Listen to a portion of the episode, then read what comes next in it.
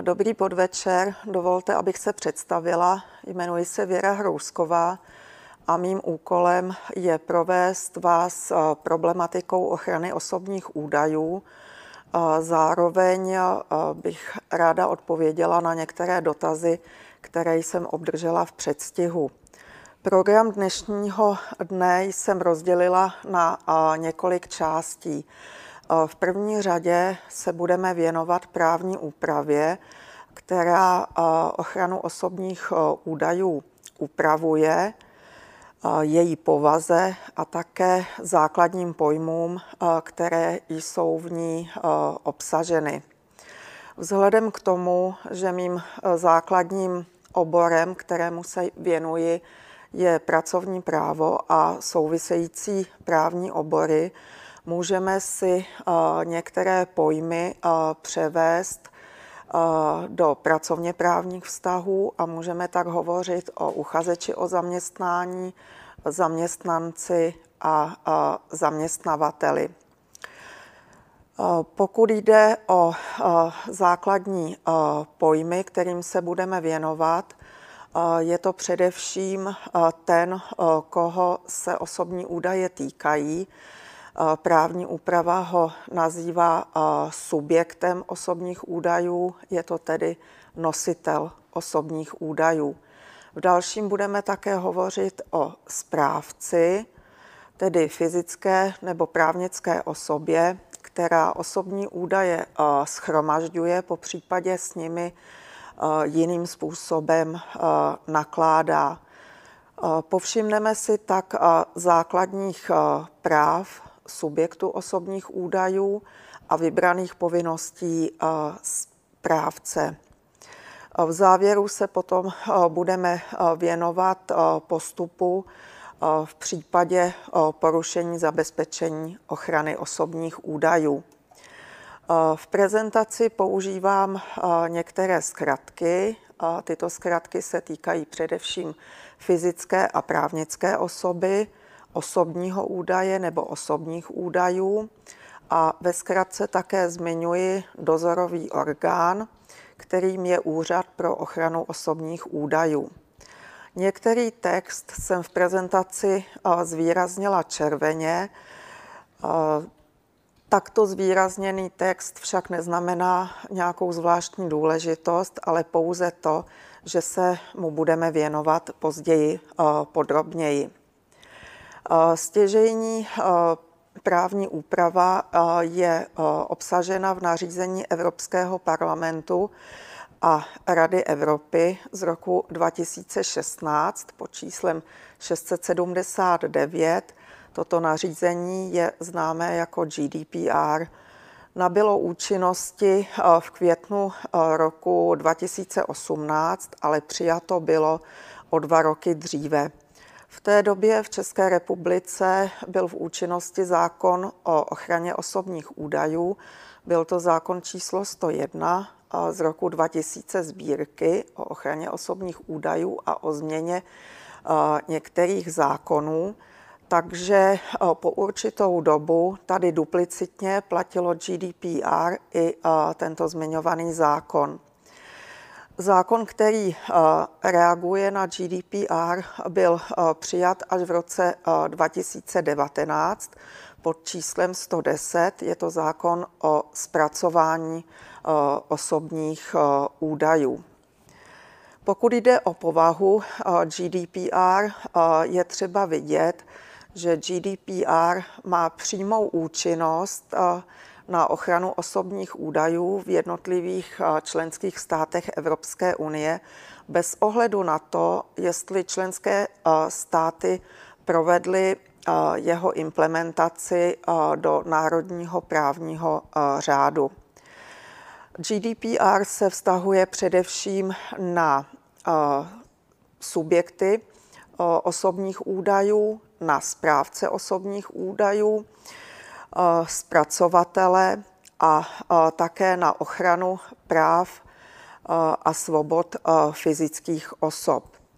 Je třeba zdůraznit, že osobní údaje se vždy týkají pouze fyzické osoby, nikoli v právnických osob, jak bývá někdy chybně interpretováno.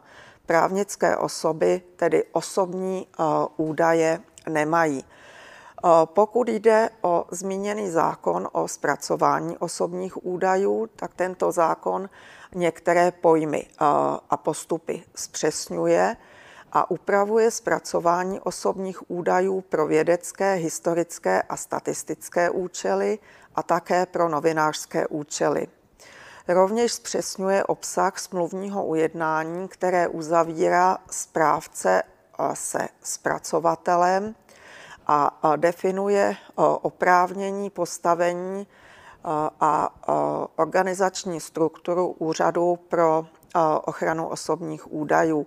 A v neposlední řadě zakládá skutkové podstaty přestupků na úseku ochrany osobních údajů a možné sankce za jejich naplnění. K vybraným pojmům správce může být fyzická nebo právnická osoba, která určuje účel zpracování osobních údajů a také určuje prostředky, kterými budou osobní údaje zpracovávány. Správce tak může postupovat buď sám nebo společně s jinými subjekty. Nemusí přímo osobní údaje zpracovávat. V původním textu GDPR je uvedeno, že to může být nejenom fyzická a právnická osoba, ale také orgán veřejné moci, agentura nebo jiný subjekt.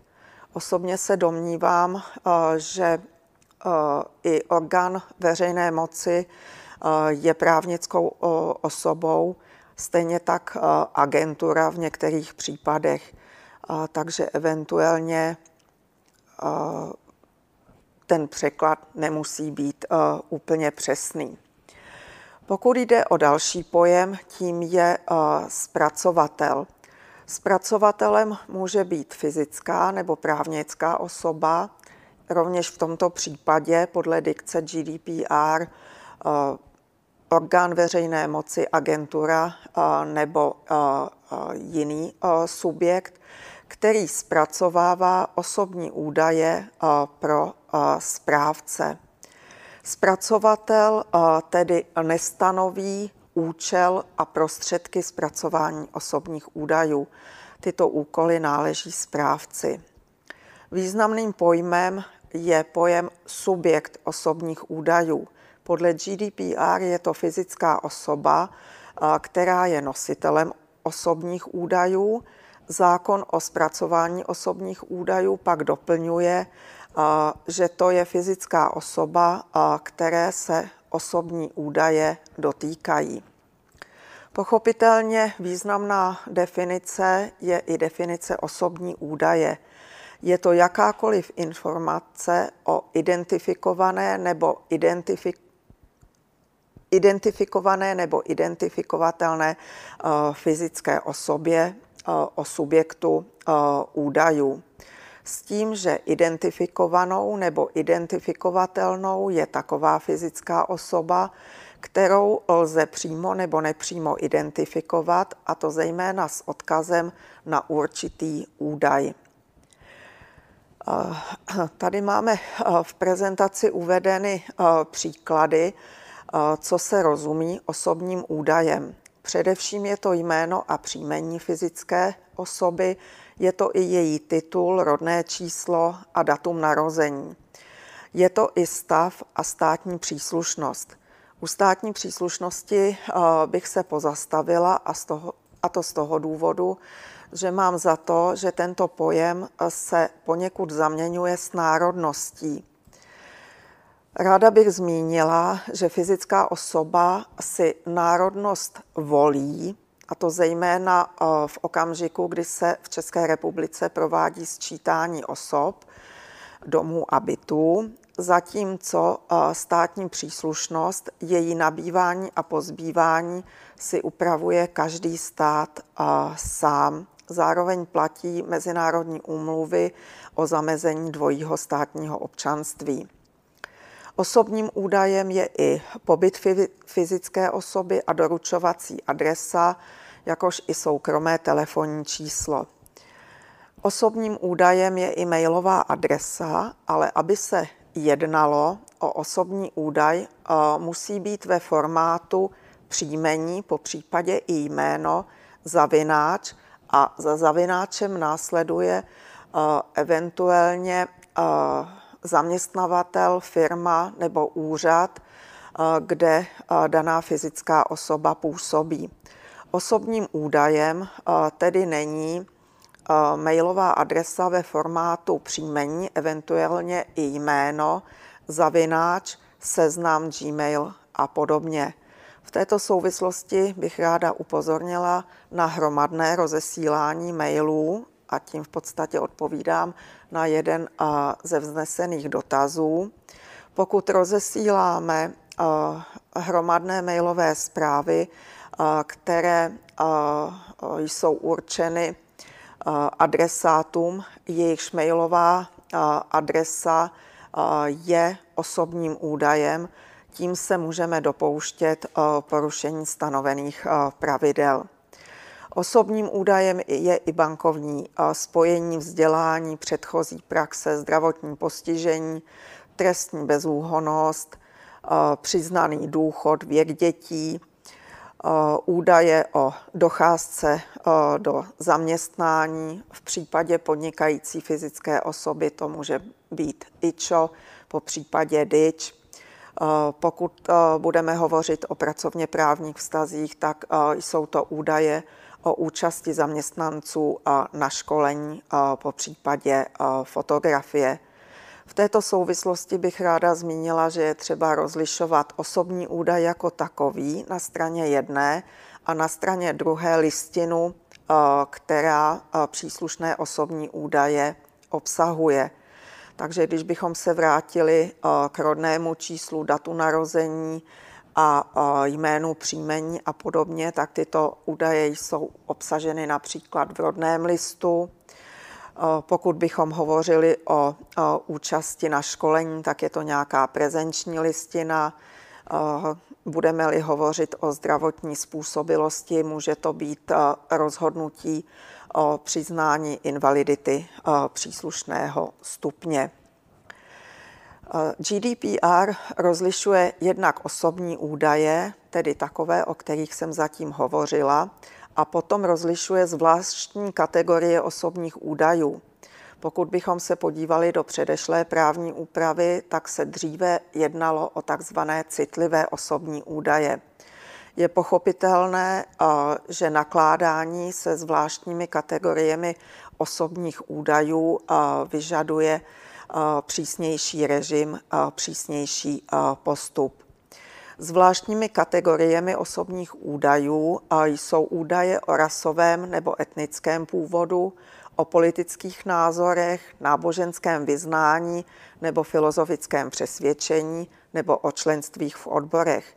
Jsou to ale také genetické údaje, biometrické údaje a údaje o zdravotním stavu a k tomu potom přistupují údaje o sexuálním životě a o sexuální orientaci. Velmi významný je i pojem zpracování osobních údajů. Tento pojem zahrnuje několik činností. Z hlediska chronologie můžeme hovořit na prvním místě o schromažďování osobních údajů, s tím, že tento proces, tento postup potom končí výmazem nebo likvidací osobních údajů. Na schromažďování osobních údajů pak navazuje jejich zaznamenávání, uspořádávání či strukturování. Můžeme osobní údaje i ukládat, můžeme je přizpůsobovat, Můžeme je ale i pozměňovat, vyhledávat, můžeme do nich nahlížet, používat je, po případě je eh, zpřístupňovat třetím osobám. Aby se jednalo o zpracovávání osobních údajů, eh, musí se jednat operace, které správce provádí systematicky a sice za naplnění určitého účelu. V případě, že se jedná o nakládání s osobními údaji, které oba tyto dva znaky nenaplňují, neaplikujeme GDPR, ale na ochranu těchto osobních údajů by se vztahoval občanský zákonník, zákon 89 z roku 2012 sbírky. Z dalších pojmů, které jsem vybrala, je potom pseudonymizace. Tímto pojmem rozumíme zpracování osobních údajů takovým způsobem, že osobní údaje nemohou být přiřazeny konkrétnímu subjektu osobních údajů bez použití dodatečných informací. Příjemcem je potom fyzická nebo právnická osoba, které jsou osobní údaje poskytnuty. A posledním údajem, kterého si povšimneme, jsou údaje o zdravotním stavu. Jsou to takové údaje, které se týkají tělesného nebo duševního zdraví fyzické osoby, včetně údajů o poskytnutých zdravotních službách, které vypovídají o jejím zdravotním stavu. Takže to bylo stručně k vybraným pojmům, tak jak jsou definovány GDPR, po případě zákonem o zpracování osobních údajů. Předtím, než správce začne implementovat GDPR, lze doporučit, aby předtím provedl určitou analýzu stávajícího stavu ochrany osobních údajů. Taková analýza znamená, že správce odpoví na otázky, které si sám klade a následně odpovědi, které sdělil, vyhodnotí. Může se jednat o velmi mnoho otázek, může se, jich jednat, může se jednat až o několik desítek otázek. My si řekneme, k jakým oblastem se tyto otázky mohou vztahovat. Mohou se vztahovat především k tomu, jakým způsobem dosavadním jakým způsobem jsou dosavadně osobní údaje zpracovávány. Mohou se ptát i na pracovní postupy při zpracovávání osobních údajů a na jejich ochranu. Určitě by správce měl zajímat okruh dosud zpracovávaných osobních úkladů, osobních údajů a způsob, jakým předává osobní údaje třetím osobám, po případě do zahraničí. Samostatnou skupinou jsou pak otázky, které se týkají archivace a likvidace osobních údajů a také způsob vedení dokumentace. Pokud správce vyhodnotí otázky, které si sám položil, Znamená to, že označí oblasti a postupy, které je zapotřebí sladit s GDPR a zároveň určí odpovědnost konkrétních subjektů za další postup. A konečně stanoví i termíny za další kroky. Pokud jde o vybrané principy zpracovávání osobních údajů, na prvním místě je třeba jmenovat korektnost, zákonnost a transparentnost. Osobní údaje jsou zpracovávány účelově. K dalším principům se řadí princip minimalizace zpracovávaných osobních údajů, což znamená, že správce by neměl schromažďovat, po případě činit další pracovní postupy ohledně osobních údajů, které ke stanovenému účelu nepotřebuje. Významným principem je i přesnost osobních údajů. Přesnost osobních údajů zahrnuje i to, že správce zpracovává osobní údaje, které jsou aktuální. Osobním údajem je i číslo občanského průkazu. V této souvislosti bych ráda upozornila, že pokud správce nestanoví speciální účel, pro který bude čísla, čísla občanských průkazů zpracovávat, může se dopustit dvojího pochybení.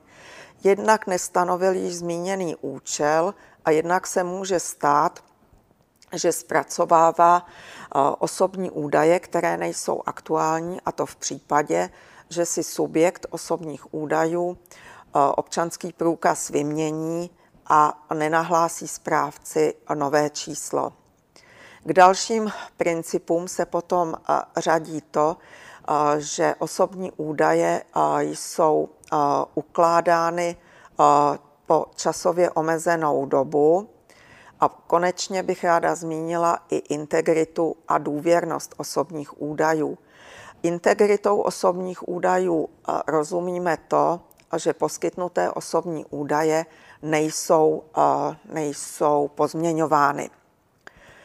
Pokud jde o zmíněnou zákonnost, aby byl naplněn princip zákonnosti zpracovávání osobních údajů, musí být dán jeden z výjmenovaných eh, právních titulů pro zpracovávání osobních údajů. I když GDPR na prvním místě zmiňuje souhlas pro zpracovávání osob, se zpracováváním osobních údajů, ráda bych zdůraznila, že souhlas, udělený souhlas přichází v úvahu až v případě, že není možné použít jiný právní titul ke zpracovávání osobních údajů. Některý z nich, který GDPR vyjmenovává. Dalším právním titulem může být to, že zpracování osobních údajů je nezbytné pro naplnění smluvního ujednání, jejímž smluvní stranou je subjekt osobních údajů, tedy, jak jsme řekli, ten nositel ten, koho se osobní údaje dotýkají. Významným zejména pro zaměstnavatele je právní titul, který spočívá v tom, že zpracování je nezbytné eh, ke splnění některé jeho právní povinnosti. V této souvislosti bych uvedla příklad. Někteří zaměstnavatelé se jakoby zdráhají sdělovat zaměstnavateli své rodné číslo. Ale zaměstnavatel, co by plátce mzdy podle zákona o daních z příjmů, je povinen na mzdovém listu uvádět údaje, které tento zákon vyjmenovává. A jedním z těchto údajů je i rodné číslo. Konec konců zaměstnavatel přihlašuje zaměstnance ke zdravotní pojišťovně a k příslušné zprávě sociálního zabezpečení také pod rodným číslem. Sice hovoříme o plnění zákonné povinnosti, ale na straně druhé je třeba zmínit, že správce, tedy jak hovořím o zaměstnavateli, může ten poskytnutý osobní údaj používat pouze pro zákonem stanovený účel. Uvedené tedy znamená, že jednou poskytnuté rodné číslo nemůže uvádět například na uh, smluvních dokumentech, po případě v dokumentech jiných, protože žádný právní předpis zaměstnavateli neumožňuje, aby rodné číslo uváděl například na pracovní, v pracovní smlouvě. Dalším právním titulem je zpracování které je nezbytné pro ochranu životně důležitých zájmů subjektu osobních údajů. Po případě se může jednat o to, že má být naplněn nějaký úkol, který je prováděn ve veřejném zájmu nebo při výkonu veřejné moci. A posledním právním titulem Posledním, který uvádí GDPR, nikoli co do významu, je potom zpracování osobních údajů v případě, že je to nezbytné pro účely oprávněných zájmů správce. Pokud hovořím o oprávněných zájmech správce, je na něm, aby své oprávněné zájmy definoval. Tady bych to připodobnila k předmětu obchodního tajemství. Je jednoduché hovořit o tom, že zaměstnanci a další subjekty jsou povinni zachovávat obchodní tajemství. Mnohdy zaměstnavatel hodlá zaměstnance za vyzrazení obchodního tajemství i sankcionovat, ale takový postup není možný, pokud sám nedefinuje, co za předmět obchodního tajemství považuje. Takže stejně tak je vhodné, aby správce definoval, co rozumí svými oprávněnými zájmy. A jak jsem řekla, i když GDPR uvádí souhlas subjektu osobních údajů ke zpracování jeho osobních údajů na prvním místě, tak co do použití souhlas je až na místě posledním. Pokud má být souhlas ke zpracování osobních údajů udělován, musí být dodržen stanovený postup. Pokud je udělován písemně a žádost je spojena s jinými skutečnostmi, tak musí být na první pohled zřejmé, že ta žádost je oddělitelná od těchto jiných skutečností. Ten postup musí být srozumitelný a musí obsahovat jednoduché jazykové prostředky. Významné je pravidlo, že souhlas ke zpracování osobních údajů je poskytován nikoli generálně, ale pro konkrétní účel, který, jak jsme řekli, stanoví správce. Ten, kdo uděluje souhlas ke zpracování osobních údajů, musí být informován o tom, k jakému účelu ten souhlas uděluje. Ten souhlas musí být jednoznačný, jasný, musí být udělen svobodně. To znamená, že nikdo nemůže být k jeho, k jeho udělení nucen. Souhlas ke zpracování osobních údajů se uděluje na dobu určitou. To znamená, pokud i zaměstnavatel zakomponuje do obsahu pracovní smlouvy souhlas ke zpracování osobních údajů o osobě zaměstnance, tak takový postup je jednak nadbytečný, protože jsme řekli, že zaměstnavatel zpracovává osobní údaje ke splnění některé své právní povinnosti. A pokud by hodlal zpracovávat osobní údaje za jiným účelem, tak ten účel musí zaměstnanci, respektive uchazeči o zaměstnání sdělit a ten souhlas musí být tedy formulován ke splnění toho, k naplnění toho účelu.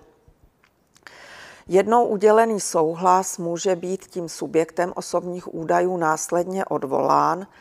V této souvislosti se má za to, že takový postup neznamená, že zpracování osobních údajů, které probíhalo na jeho základě, bylo nezákonné. Pokud subjekt osobních údajů jednou udělený souhlas odvolává, musí se jednat také o jednoduchý postup, stejně jaký platí v případě, že ten souhlas uděluje. A posledním principem, který se týká souhlasu osobních souhlasu ke zpracování osobních údajů, je povinnost správce kdykoliv být připraven na to, že subjekt osobních údajů souhlas ke zpracování údajů o své osobě udělil. Pokud jde o účelovost zpracování osobních údajů, tento princip znamená, že zpracování osobních údajů není dovoleno, pokud správce nestanovil účel. Tento účel nesmí být v rozporu s právní úpravou. Zároveň platí, že správce musí ten účel stanovit předtím, než osobní údaje začne zpracovávat. Pokud má dojít k užití osobních údajů k jinému než původně stanovenému účelu, musí být stanoven nový právní důvod, nový právní titul. Pokud jsou osobní údaje předávány třetím osobám nebo i do zahraničí, tak musí být také stanoven nový účel. Takže to bylo, pokud jde o, o ty jednotlivé o, principy zpracování osobních údajů. A v dalším se budeme o, věnovat o, vybraným právům o, nositele osobních údajů. Jedná se tedy, opakuji, o, o subjekt osobních údajů. Subjekt osobních údajů má především právo na poskytnutí veškerých informací, které se týkají zpracování osobních údajů o jeho osobě. Taková informace se podává písemně nebo elektronicky, přičemž platí, že musí být srozumitelná.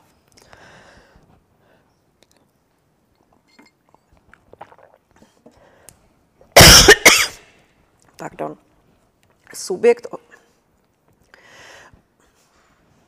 subjekt osobních údajů má právo na eh, přístup eh, ke eh, zpracovávaným osobním údajům. Je tedy oprávněn obdržet informaci o tom, zda o něm daný správce určité osobní údaje schromažďuje nebo jiným způsobem zpracovává a pokud ano, za jakým účelem, kdo je jejich příjemcem, po jakou dobu budou jeho osobní údaje uchovávány a zároveň má právo podat eh, námitku k dozorovému orgánu, kterým je Úřad pro ochranu eh, osobních údajů. Řekla jsem už a jenom opakuji, že má právo na sdělení účelu, za kterým jsou eh, osobní údaje o jeho osobě zpracovávány a má také právo na opravu nepřesných eh, osobních údajů. Toto právo je potom jakousi protiváhou povinnosti správce osobní údaje opravit, eh, pokud je taková žádost subjektem osobních údajů uplatněna.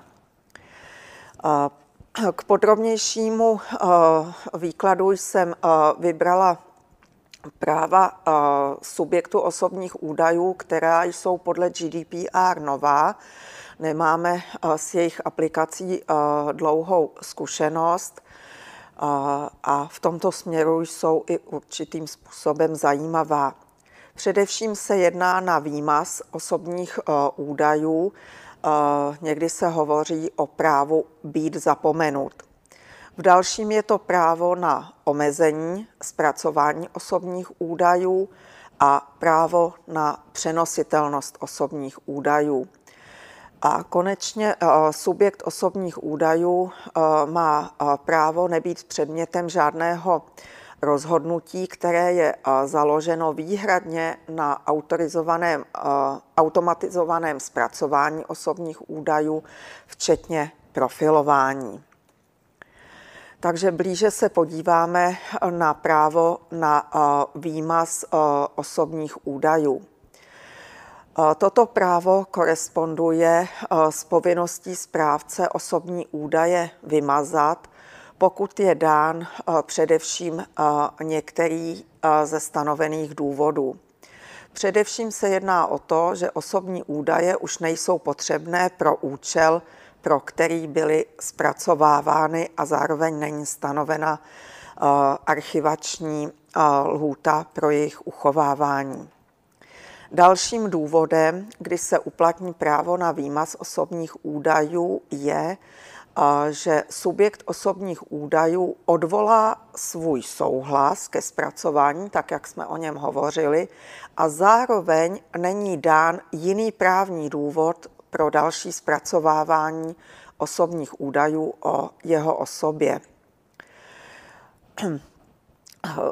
Právo na výmaz osobních údajů se uplatní také v případě, že subjekt osobních údajů vznese námitky proti zpracování osobních údajů a nejsou dány žádné převažující oprávněné důvody pro další zpracovávání.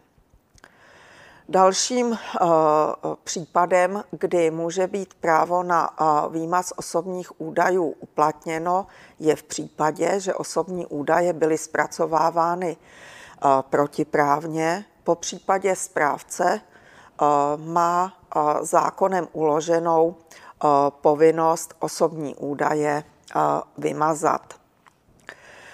Právo na výmaz osobních údajů se neuplatní absolutně. Neuplatní se například v případě, pokud má se jednat o výkon práva na informace a svobodu projevu. Zde by se uplatňoval zejména zákon číslo 106 z roku 99 sbírky o přístupu, o svobodném přístupu k informacím. Právo na výmaz se také neuplatní v případě, kdy osobní údaje jsou zpracovávány ke splnění zákonné povinnosti. To znamená, když jsem hovořila o rodném číslu zaměstnance, tak zaměstnanec nemůže uplatnit právo na výmaz tohoto osobního údaje, protože, jak jsme řekli, správce, to znamená zaměstnavatel, zpracovává rodná čísla a svých zaměstnanců ke splnění a zákonné povinnosti. Právo na výmaz se dále neuplatní v případě, že je dán veřejný zájem v oblasti ochrany veřejného zdraví a také v případě, jednáli se o archivaci ve veřejném zájmu nebo pro účely vědeckého, historického účelu nebo pro statistické účely.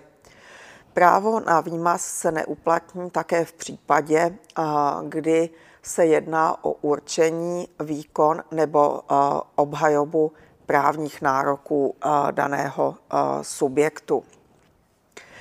Dalším právem, kterému se budeme věnovat poněkud podrobněji, je právo na omezení zpracování osobních údajů.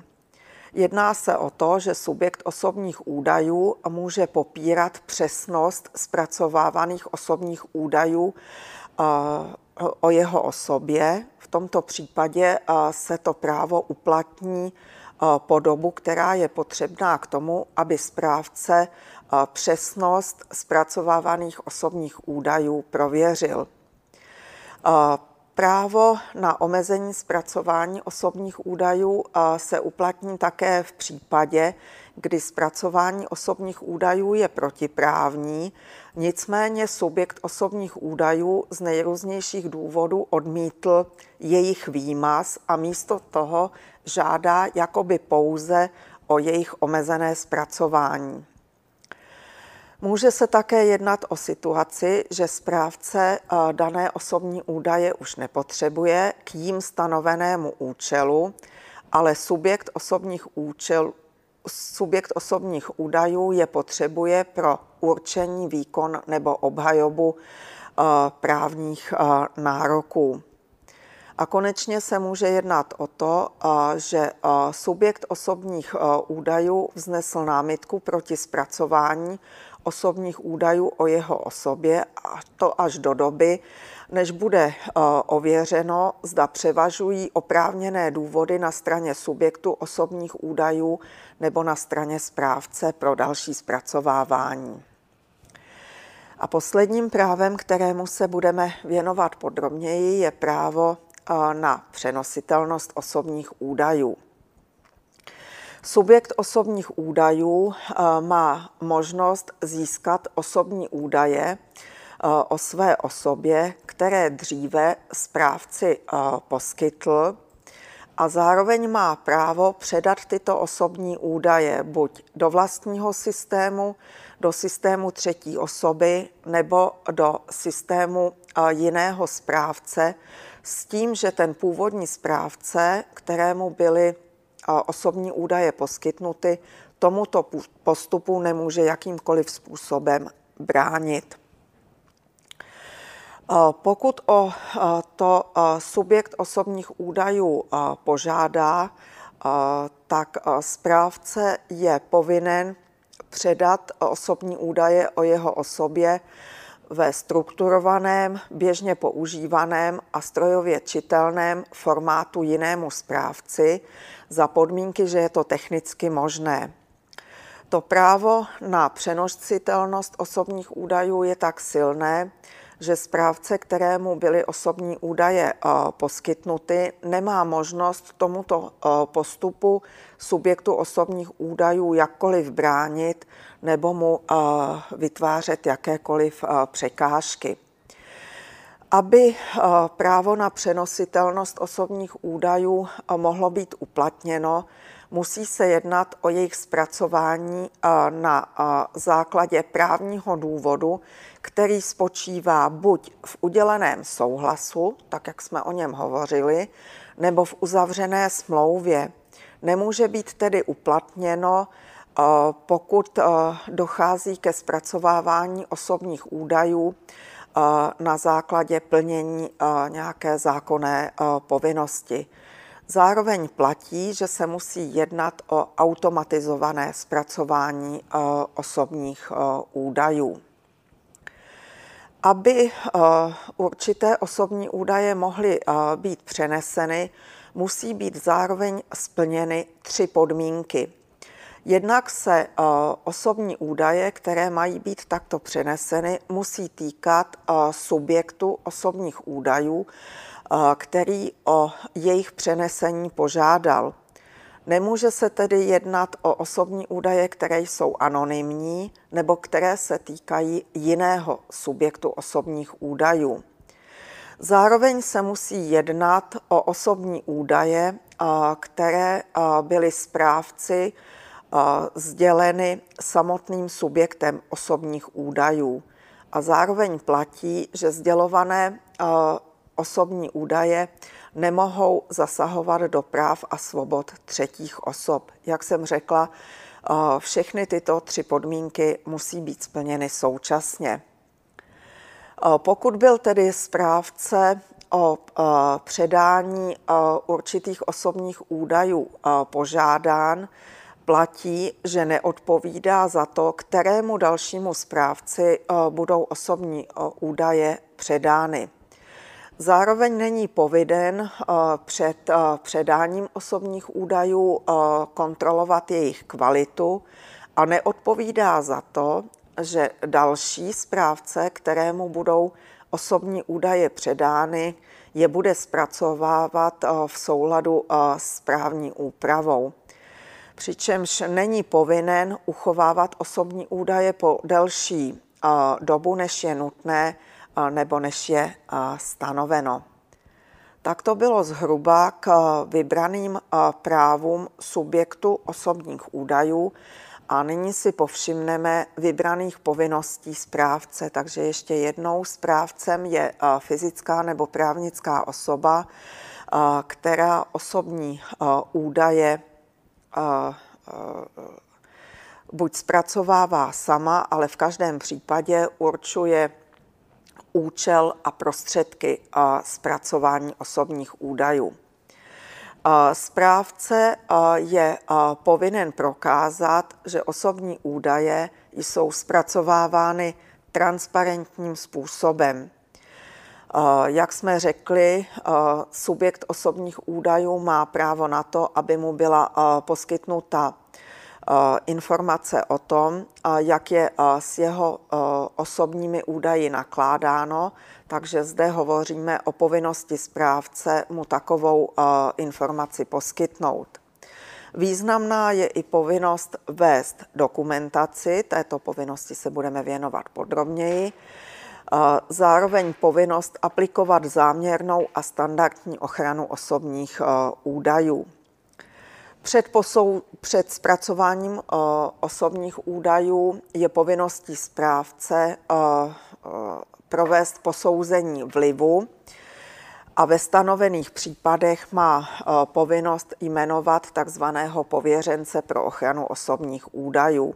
A samostatně se potom budeme věnovat povinnosti ohlašovat případy porušení zabezpečení ochrany osobních údajů.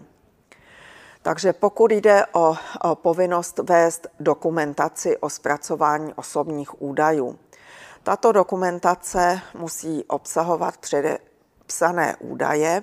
Tyto údaje se týkají samotného správce, po případě jeho zástupce a také pověřence pro ochranu osobních údajů. Tato dokumentace se týká a musí obsahovat údaje o stanovených účelech pro zpracování osobních údajů, musí obsahovat popis kategorií subjektů osobních údajů, jejichž osobní údaje jsou zpracovávány a také kategorie osobních údajů. Tam jsem zmiňovala, že se rozlišují osobní údaje a zvláštní kategorie osobních údajů. Dokumentace dále musí obsahovat údaje o příjemcích osobních údajů, kterým byly nebo budou osobní údaje zpřístupněny a také informace o případném předávání osobních údajů do třetí země. Pokud hovoříme o povinnosti správce vést dokumentaci, v praxi se doporučuje, že správce se může této povinnosti zhostit celkem jednoduchým způsobem, a sice tak, že vytvoří dva na sebe navazující dokumenty, a sice, že vytvoří číselník osobních údajů a následně podle tohoto číselníku vyplní druhý dokument, a to katalog osobních údajů. Číselník osobních údajů jednak vyjmenovává osobní údaje, které budou zpracovávány. Ty osobní údaje jsou očíslovány. Obsahuje ale i další údaje, například subjekty osobních údajů, tak subjektem osobních údajů v pracovně právních vztazích může být uchazeč o zaměstnání, zaměstnanec, bývalý zaměstnanec, může jim být i fyzická osoba, která pro správce zpracovává osobní údaje a podobně.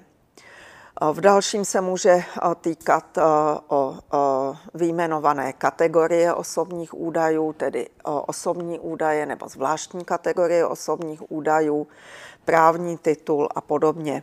Já jsem zde vyjmenovala údaje v počtu 11, to znamená, když se posuneme k tomu druhému dokumentu a tím je katalog, tak se bude jednat o tabulku, která bude obsahovat 11 sloupců, s tím, že v prvním sloupci budou uvedeny vyjmenované osobní údaje, které správce bude zpracovávat. A do jednotlivých sloupců a řádků potom už jsou zanesena čísla, která vyplývají z číselníku. Takže dva jednoduché dokumenty, které, jak jsem řekla, mohou přispět velmi výrazným způsobem k tomu, aby se správce zhostil své zákonné povinnosti vést dokumentaci o zpracovávání osobních údajů. Předtím, než správce začne zpracovávat osobní údaje, má povinnost provést posouzení vlivu zamýšlených operací zpracování, a sice v případě, že je pravděpodobné, že určité postupy, určitý druh zpracování bude mít, budou mít za následek vysoké riziko pro práva a svobody fyzických osob. Pokud zvažujeme, zda takové posouzení vlivu budeme provádět, bere se v úvahu zejména typ používaných technologií pro zpracovávání osobních údajů, s tím, že se přihlíží k jejich povaze, k rozsahu zpracovávaných osobních údajů a k již zmíněným účelům zpracovávání osobních údajů. Pokud jde o zmíněný rozsah zpracovávání osobních údajů, tak v této souvislosti se bere v úvahu jednak počet subjektů osobních údajů, jejichž osobní údaje mají být zpracovávány. V dalším se bere v úvahu objem zpracovávaných osobních údajů, nepřetržitost a také územní rozsah zpracovávání osobních údajů, protože mohu osobní údaje zpracovávat v rámci města, v rámci kraje, v rámci České republiky, po případě v rámci členských států Evropské unie a podobně. Hovoříme-li o posouzení vlivu, pro tento postup platí několik pravidel. Především posouzení vlivu musí být provedeno předtím, než je samo zpracovávání osobních údajů zahájeno před zpracováním osobních údajů, což odpovídá zásadě záměrné a standardní ochraně osobních údajů. Je třeba říci, že se jedná o déle trvající, nikdy nekončící proces, není to jednorázová akce s tím, že za posouzení vlivu odpovídá správce, a to i v případě, že nechá posouzení vlivu provést externímu subjektu. Pokud provádí zpracování osobních údajů pro správce zpracovatel, může na něm správce požadovat, aby poskytl určitou součinnost. Smyslem posouzení vlivu na zpracování na ochranu práv a svobod fyzických osob je ochrana osobních údajů a práv subjektu osobních údajů, to znamená nositelů těchto údajů, nikoliv ochrana správce. Forma posouzení vlivu není předepsána s tím, že je na rozhodnutí správce, jestli výsledky posouzení vlivu zveřejní či nikoliv. Pokud tak učiní, má se za to, že tento jeho krok přispívá k posílení důvěry v používané operace v rámci zpracovávání osobních údajů a také k posílení jeho odpovědnosti za zpracování osobních údajů. Pokud posuzujeme vliv zamýšlených operací na práva a svobody fyzických osob, uplatňují se tři stupně rizikovosti. S číslem 3 se označuje nejvyšší rizikovost, číslo 2 je přiřazeno střední rizikovosti a číslo 1 nízké rizikovosti. S tím, že se bere v úvahu u příslušného kritéria nejvyšší stupeň rizikovosti a pokud se u daného kritéria objevuje rizikovost ve stejném stupni, tak se bere v úvahu jenom jednou. V dalším si můžeme ukázat příklady možných kritérií pro posouzení rizikovosti zamýšlených operací zpracování osobních údajů. Především se může jednat o to, do jaké míry budou osoby monitorovány. Pokud jsou fyzické osoby identifikovatelné a zároveň lokalizovatelné, jedná se o třetí stupeň, to znamená nejvyšší rizikovost. Pokud jsou sice identifikovatelné, ale pouze rozpoznatelné, jedná se o střední stupeň rizikovosti a pokud jsou pouze identifikovatelné, jedná se o nejnižší stupeň rizikovosti. Druhým kritériem může být to, jaké osobní údaje jsou zpracovávány. Pokud jsou zpracovávány zvláštní kategorie osobních údajů, tak jak jsem o nich hovořila, jedná se o nejvyšší stupeň rizikovosti. Pokud jsou zpracovávány jedinečné osobní údaje, jako je jméno a příjmení, jedná se o střední stupeň rizikovosti. A pokud jsou zpracovávány osobní údaje, které jsou spojeny s určitým chováním subjektu osobních údajů, jako je vzdělání, dosavadní praxe a podobně, jedná se o nejnižší stupeň rizikovosti. Dalším kritériem může být míra zranitelnosti subjektů osobních údajů. Jedná-li se o stálou zranitelnost, například pro zmíněnou už národnost, náboženství nebo sexuální orientaci, má se za to, že se jedná o nejvyšší stupeň rizikovosti. V případě dočasné rizikovosti, která přichází v úvahu například u dětí, které zestárnou, u nemocných, které se uzdraví, tak se jedná o střední stupeň rizikovosti.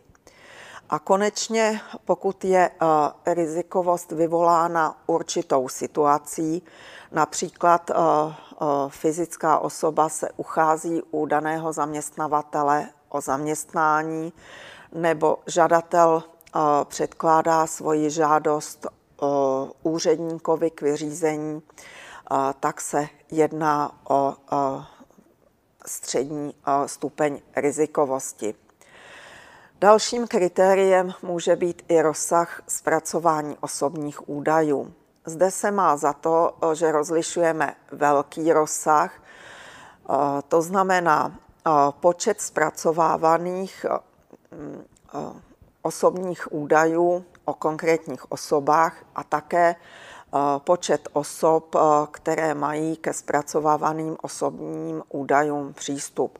Pokud zpracováváme osobní údaje o subjektech v počtu 10 001 a zároveň k jejich osobním údajům má přístup 20 a více osob, tak takovému postupu přiřazujeme nejvyšší stupeň rizikovosti.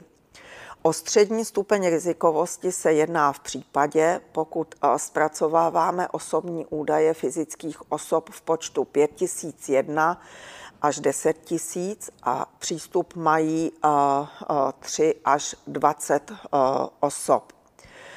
A konečně o nejnižší stupeň rizikovosti se jedná v případě malého rozsahu zpracovávání osobních údajů. O tento nejnižší stupeň se tak jedná, pokud zpracováváme osobní údaje o fyzických osobách v počtu do 5000 subjektů a zároveň mají přístup k těmto osobním údajům pouze dvě osoby. Dalším kritériem potom může být přístupnost osobních údajů.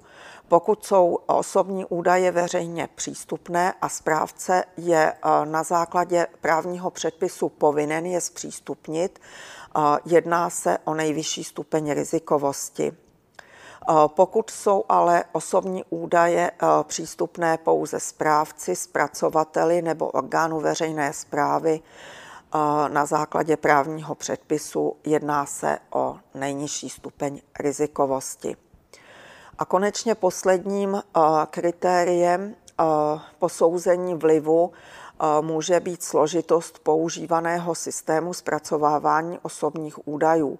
Pokud budeme zpracovávat automatizované systémy, je zapotřebí takovému postupu, takovým operacím přiřadit nejvyšší stupeň rizikovosti, pokud budeme osobní údaje slučovat nebo združovat s tím, že se jedná o osobní údaje, které byly získány k různým účelům, jedná se o střední stupeň rizikovosti a pokud získané osobní údaje pouze řetězíme, jedná se o nejnižší stupeň rizikovosti. Jak jsem řekla, eh, správce eh, má ve stanovených případech eh, povinnost jmenovat takzvaného pověřence pro ochranu osobních údajů. Tato povinnost nastupuje v případě, pokud zpracovávání osobních údajů provádí orgán veřejné moci, Dalším případem je, vyžaduje-li zpracovávání osobních údajů monitorování subjektů osobních údajů. A posledním případem je, že se provádí rozsáhlé zpracovávání zvláštních kategorií osobních údajů, tak jak jsem o nich hovořila, nebo se provádí zpracovávání osobních údajů ve věcech trestních. Podíváme-li se na úkoly pověřence, tak jeho hlavním úkolem je poskytovat poradenství a konzultace ve věcech ochrany osobních údajů. Dalším úkolem je monitorovat soulad GDPR se zamýšlenými operacemi zpracování osobních údajů. Zde bych, jsou, zde bych zdůraznila slovo zamýšlenými operacemi. Nemůže se tedy jednat o operace, které už jsou prováděny. A konečně pověřenec pro ochranu osobních údajů je jakýmsi kontaktním místem pro styk s úřadem pro ochranu osobních údajů. Tak to bylo zhruba k vybraným povinnostem správce a nyní si povšimneme zpracovatele. Řekli jsme, že zpracovatelem může být fyzická nebo právnická osoba, která pro správce osobní údaje zpracovává. Znamená to tedy, že správce nemusí zpracovávat osobní údaje sám, ale může tím pověřit jiný subjekt řečeného zpracovatele. Zpracovatelem může být fyzická nebo právnická osoba a co bych ráda zdůraznila, na rozdíl od správce, zpracovatel nestanoví ani účel zpracování osobních údajů, ani prostředky, kterými budou osobní údaje zpracovávány. Platí, že zpracovatel může eh, zpracovávat eh, pouze ty eh, osobní údaje, které mu správce poskytl a může provádět pouze takové zpracovatelské činnosti nebo operace, kterými byl správcem pověřen nebo které vyplývají z jeho zpracovatelské činnosti.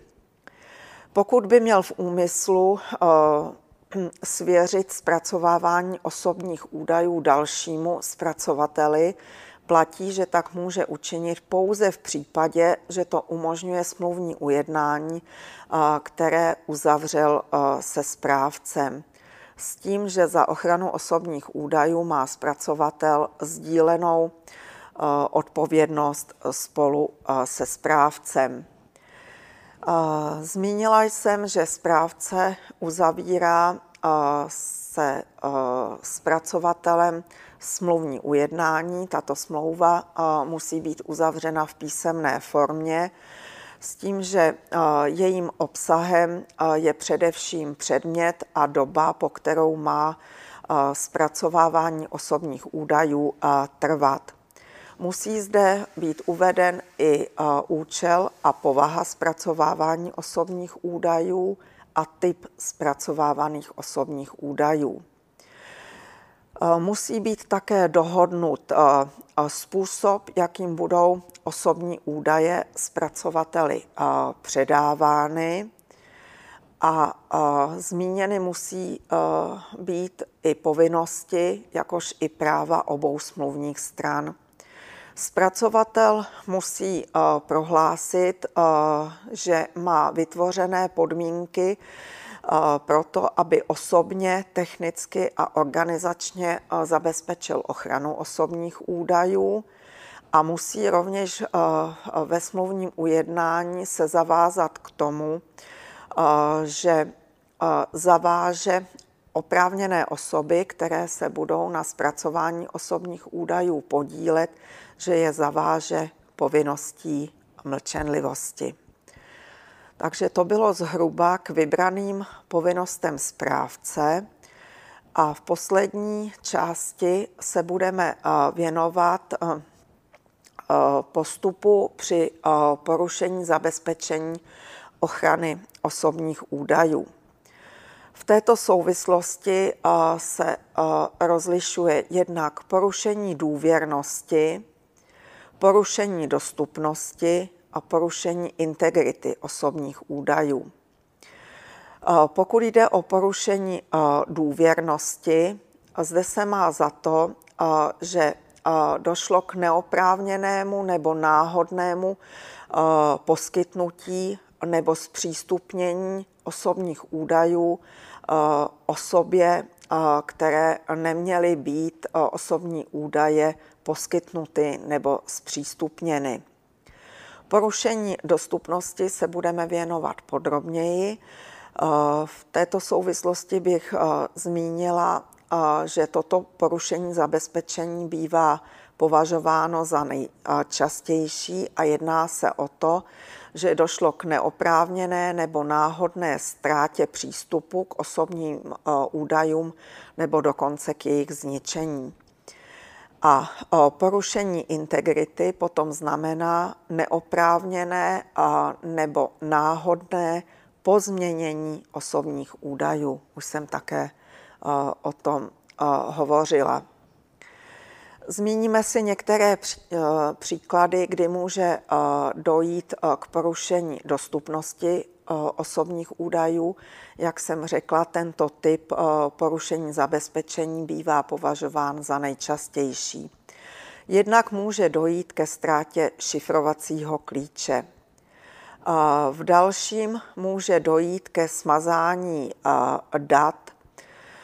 Může k němu dojít buď náhodně nebo neoprávněnou osobou, s tím, že pokud data nelze dodatečně obnovit, například ze záložního zařízení, nechá se hovořit o trvalém porušení dostupnosti.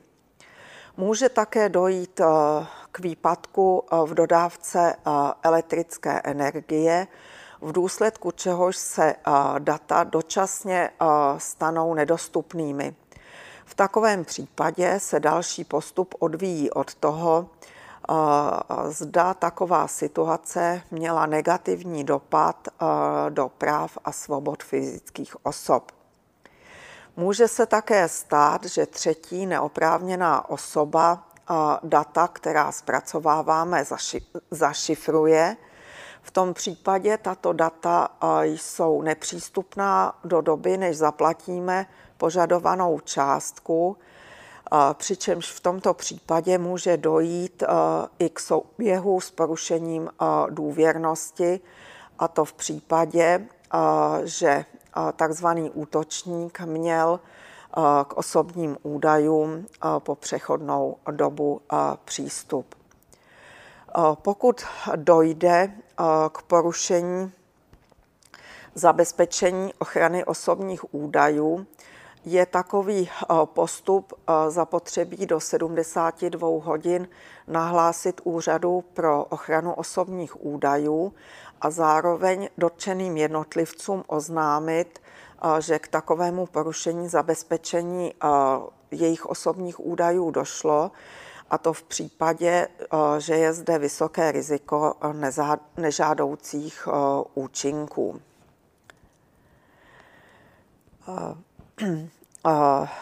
Oznámení o porušení zabezpečení osobních údajů vůči úřadu není nutné. A sice v případě, že správce předtím, než k porušení došlo, zavedl technická a organizační ochranná opatření, to zejména taková, která činí osobní údaje nesrozumitelnými pro, pro kohokoliv, kdo není oprávněn k ním mít přístup. To znamená, že správce osobní údaje zašifruje. Oznámení vůči úřadu také není nutné v případě, že správce stanovil a podnikl, podnikl kroky vůči tomu, kdo se dostal k osobním údajům dříve, než s nimi mohl něco udělat, než s nimi mohl nakládat.